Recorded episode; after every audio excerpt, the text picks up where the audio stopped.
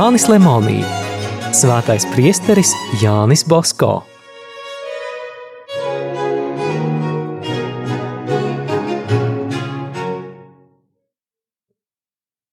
Otrā nodaļa – Dieva balss no 1823.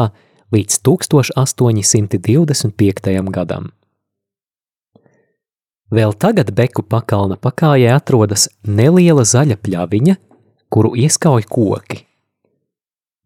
Šajā pļaviņā Bosko Jāzeps, bet vēlāk arī Jānītis ganīja govis.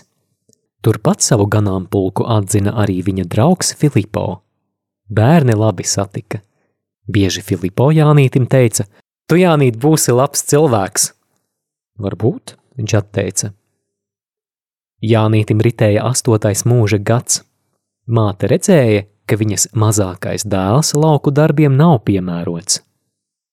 Jau agrāk viņa bija domājusi sūtīt Jānīti Kastelnovo skolā, kur viņš varētu mācīties lasīt, rakstīt, matemātiku un katehismu, bet līdz Kastelnovo bija pieci kilometri, un bērnam no mājām jādod šis tas līdzi. Māte savas domas pasacīja dēlam Antonijam, kuram toreiz bija 20 gadu. Bosko pirmdzimtais bija gluži citādāks nekā jaunākie brāļi. Parupšs, neveikls vīrs, milzis, stiprinieks un liels grāmatu ienaidnieks. Par zinībām viņš negribēja nedzirdēt. Margarita, protams, varēja prasīt savu tiesu arī otram dēlam, bet vēlēdamās ģimenē saticību viņa jautājumu par Jāņa izglītošanu atlika līdz rudenim. Rudenī ģimene vienojās, ka Jānīti sūtīs Kapriljo skolā. Ceļš bija tāls, Turp doties un atgriezties mājās katru dienu nebija iespējams, tāpēc dēlam naktsmājas māte nolēma lūgt savā tēva mājās. Kapriljo skolu vadīja draudzes vikārs Jāzeps Lakva, labs un ļoti atsaucīgs priesteris. Margarita lūdza uzņemt šajā skolā arī Jānīti, jo Kastelnovo bija par tālu. Varbūt vikārs zēnu būtu arī uzņēmis, ja vien to neliektu prāvests. Tā bija draudzes locekļu skola un pie tam pārpildīta. Bosko māte, saņemot tik negaidītu atteikumu, nezināja vairs, kur griezties. Par laimi netālu dzīvoja kāds saimnieks, kas ziemā mācīja zēnam lasīt un rakstīt. Nākamā gada vasarā, 1824. gadā, nomira Kapriljo prāvesta saimniece. Viņas vietā sāka strādāt Margaritas māsa – kas tad nu lūdza prāvestam atļauju, un jau tajā pašā gadā Jānīti uzņēma Kapriljo skolā. Pēc visu svēto dienas sākās mācības, kas turpinājās gandrīz līdz pat aprīļa sākumam. Jānītim bez šaubām tas nebija viegli. Vajadzēja ik rītu un vakaru augstumā un salā iet astoņus kilometrus. Prāvests Lakva Jānīti iemīlēja. Veiklajam un spēcīgajam zēnam viņš nežēloja ne laika, ne rūpju. Redzēdams, ka mācības neaizņem visu zēna laiku, viņš to ikdienas pēc stundām mācīja papildus. Prāvests sevišķi centās iedegt jūtīgajā un atklātajā zēna sirdī laba kristieša jūtas. Vakarā ar zēnu pastaigājoties viņš mācīja, cik liela vērtība ir dieva žēlastībai – kā labi izsūdzēt grēkus un pieņemt svēto komuniju. Dievs bija sagatavojis Jānim Bosko tādus apstākļus, kuros viņš vēl būdams mazs, varēja augt kristīgajā pilnībā. Skolas biedri Jānīti sākumā uzskatīja par stūrgalvi. Vai gan citāds varēja būt lauku bērns, kas pirmo reizi nokļuvis skolā. Jānītis, kad viņu izjokoja vai aizskāra, pacietīgi to panesa un klusēja, kaut arī būtu pratis aizstāvēties. Ir liecības, ka jau no tā laika viņš slepeni vingrinājies gandarīšanā un gribējis sekot svētajiem, par kuru dzīvi tik daudz bija stāstījis priesteris Lakva. Kapriljo skolā Jānītis mācījās tikai 1824. 25. mācību gadā. Šajā īsajā laika posmā viņš iemācījās labi lasīt un rakstīt. No tā laika viņš vairs grāmatu neizlaida no rokām. Pat pusdienas ēdot viņš turēja grāmatu atvērtu.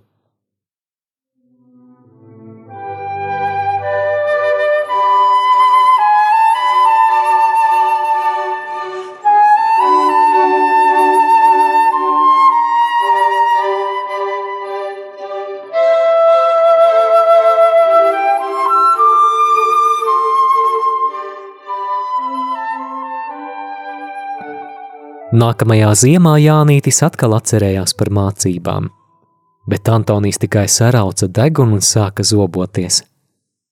Neredzēdama citu izēju māte Jānīti paturēja mājās, taču reizēm zēnam bija izdevība aiziet uz Kapriljo skolu. Dažkārt vajadzēja apciemot mātes māsu, citu reizi vecstāvu. Tur aizgājis viņš vismaz stundu ciemojās pie priestera lakvas. Dažreiz priesteris viņam iedeva kādu skaistu grāmatu. Antonijs saprata, kur nelabais kundziņš nēsā. Pārskaities, viņš aizliedza spērt soli ārpus mājām. Bērnam, kas alka pēc zinībām, tas ļoti sāpēja. Tajā laikā zēna sirdī sāka plaukt tur iesētie tikumi. Pļaviņā savas govis sadzina četri, pieci gani. Sākdami rotaļāties, viņi nemaz neuzraudzīja lopiņus.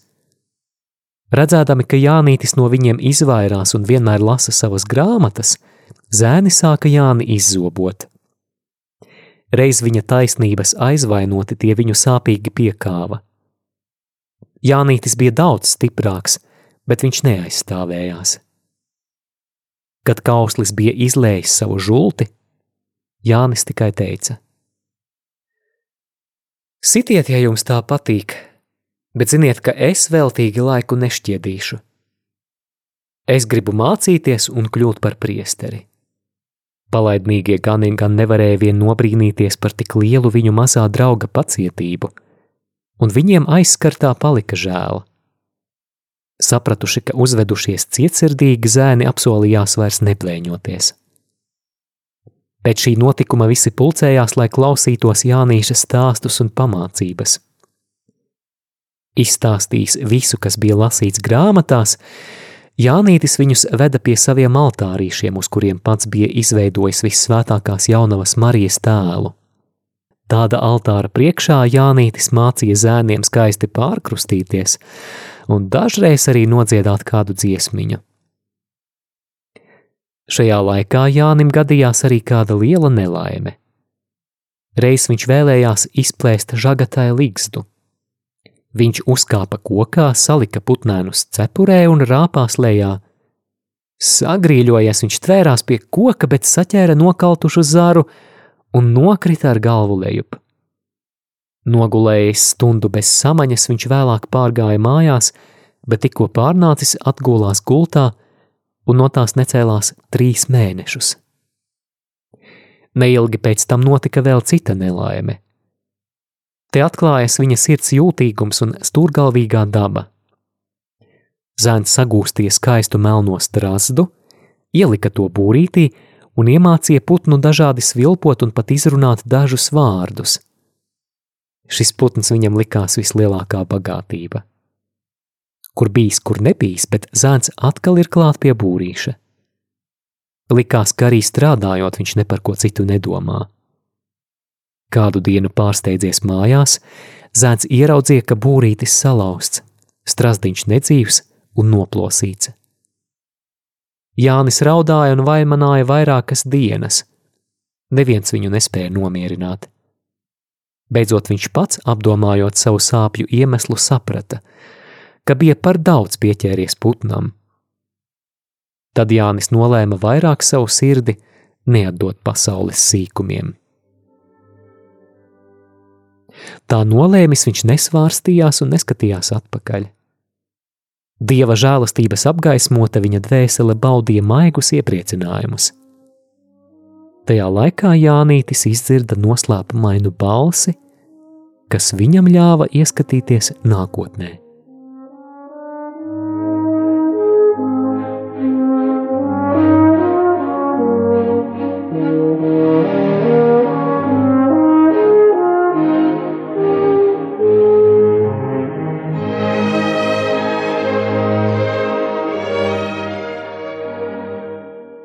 Taču vispirms jāpaskaidro, no kādiem vēstures avotiem visas šīs ziņas ir ņemtas. Priesteris Bosko ir atstājis piezīmes, kuras dzīves būdams nebija nevienam rādījis. Nelielais rokraksts saucas Oratorijas atcerēja no 1825. līdz 1855. gadam. Salesiāņu kongregācijas locekļu ieskatam. Šīs atmiņas, kā vēlāk redzēsim, bija uzrakstītas pēc pāvesta pie 9. pavēles. Tajā kā spogulī atmiets priestere Bosko pazemība un vienkāršība. Neko neslēpdams un neizpušķodams, viņš tajā stāsta, kā viņam radusies doma veidot salīdzjāņu kongregāciju. Parasti cilvēkiem, kas aicināti veikt lielus uzdevumus, Dievs savu gribu izskaidro caur sapņiem – Arī svētajos rakstos ir sacīts: Jūsu senči sapņos sapņus, bet jaunie redzēs redzējumus. Dievs sūtīja sapņus arī Jānim Bosko. Vēlāk, īstajā laikā, tie viņa dzīvē kļuva par īstenību. Minētajās atmiņās Bosko apraksta savu pirmo sapni. Biju deviņus gadus vecs, kad redzēju sapni, kurš nekad nav izgaisis no manas atmiņas. Sapnī atrados netālu no kāda nama lielā ciemā. Tur bija sapulcējies bērnu bars. Daži no tiem rotaļājās, citi jokojās, citi lamājās. Izdzirdis bērnus lamājamies, sažņauktām dūrēm piesteidzos viņiem un pavēlēju klusēt. Cīnījos ar viņiem. Tad parādījās kāds cienījams vīrs, ļoti skaisti tērpies. Visu viņa augumu sedza balts tērps, bet no viņa sejas plūda tik neparasta gaisma, ka es nevarēju tajā skatīties. Viņš mani uzrunāja vārdā un uzdeva būt šiem bērniem par vadītāju. Viņš lika pie sirds, ka nevis ar dūrēm un draudiem, bet ar mīlumu un iejūtību šie draugi jāpiesaista sev. Nepieciešams viņiem skaidrot, cik neglīti ir grēki un cik skaists ir tikums. Izbrīnījies un apjucis, es skaidroju, ka vēl esmu mazs, trūcīgs un nekā neprotu, un ka tādēļ nespēšu šiem bērniem izskaidrot svarīgas ticības patiesības. Bet tai pašā laikā bērni cits pēc cita pārtrauca rotaļāties, plosīties, lamāties un sapulcējās ap nepazīstamo vīrieti. Paklausība un zināšanas tavu uzdevumu darīs iespējamu. Bet kā es varēšu zināšanas apgūt? Es tev došu skolotāju, kas tev iemācīs visu saprast. Kur nav šīs skolotājas prāts, tur ir tikai muļķība. Kas jūs tāds esat, ka drīkstat tā runāt? Es esmu tās dēls, kurai tava māte ir mācījusi trīs reizes dienā sūtīt sveicienu. Māte man noliegusi bez viņas atļaujas draudzēties ar svešiniekiem, tāpēc lūdzu pasakiet savu vārdu. Manu vārdu pajautā manai mātei. Tajā pašā acu mirklī es pamanīju viņa tuvumā kādu skaistu kundzi, ģērbušos mirdzošā tērpā. Šķita, ka viņas mētelis ir nobārstīts ar mirdzošām zvaigznītēm. Ieraudzījusi mani, vēl ar vien ļoti nobijušos un samulsušu, viņa pamāja, aicinot mani tuvoties. Tad paņēma mani aiz rokas un sacīja: Skaties! Es palūkojos, un bērnus vairs neredzēju. Tie bija kaut kur pazuduši. Viņu vietā ieraudzīju lielu baru kazlēnu, šuneļu, kaķēnu, lācēnu un vēl daudz dažādu dzīvnieku. Tā tava druva viņa sacīja: Lūk, kur tev jāstrādā. Esi paklausīgs, stiprs, izturīgs.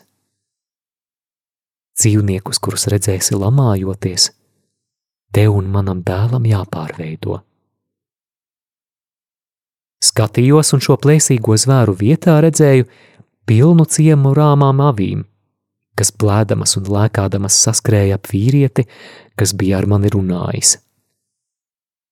Sāku raudāt un lūgt kundzi, lai viņa runā skaidrāk, jo es nekā nesaprotu. Bet viņa mani noglāstīja un sacīja: Kad būs laiks, tu sapratīsi visu. Sacīdama šos vārdus, viņa izgaisa, un es pamodos. Gulēju kā noreibis. Jūtu sāpes rokās un sejā no kautiņa ar nekrietnajiem bērniem. Vīrietis, kundze, visas redzētās dīvainības tā iespiedās atmiņā, ka nekādi nevarēja to aizmirst un aizmigt no jauna. Kad no rīta piecēlos, tūliņ savu sapni izstāstīju brāļiem, vēlāk māmiņai un vecmāmiņai. Katrs to skaidroja pēc sava ieskata. Brāļi man izsmēja. Tu, sacīja Jāzeps, būsi avju, āžu un citu lopu priekšnieks. Nē, iebilda Antonijs, drīzāk tu kļūsi par plēsoņu vadoni. Mana māte klusi noteica, kas zina, varbūt kādreiz būsi priesteris. Vecā māte, kas neprata lasīt, bet teoloģiju zināja labāk par mums visiem, sprieda: Nevajag sapņiem pievērst uzmanību. Cienīju vecās māmiņas spriedumu, taču šis sapnis man vienmēr palika atmiņā. Par to vairāk nevienam nestāstīju līdz 1858. gadam, kad biju aizbraucis pie svētā tēva lūgt Salesiāņu kongregācijai apstiprinājumu. Mani pieņēmis, pāvests lika sīki izstāstīt visu, kas vien manā dzīvē varēja būt pārdabisks. Es viņam izstāstīju arī šo sapni. Pīs devītais lika man sīki uzrakstīt visu, ko es biju sapnī redzējis – un atstāt to savas kongregācijas locekļiem par piemiņu. Šo sapni var uzskatīt par dieva balsi, viņa skaidru pavēli. Tas mums kļūs vēl saprotamāks, tad, kad ielūkosimies turpmākajos Jāņa Bosko dzīves notikumos.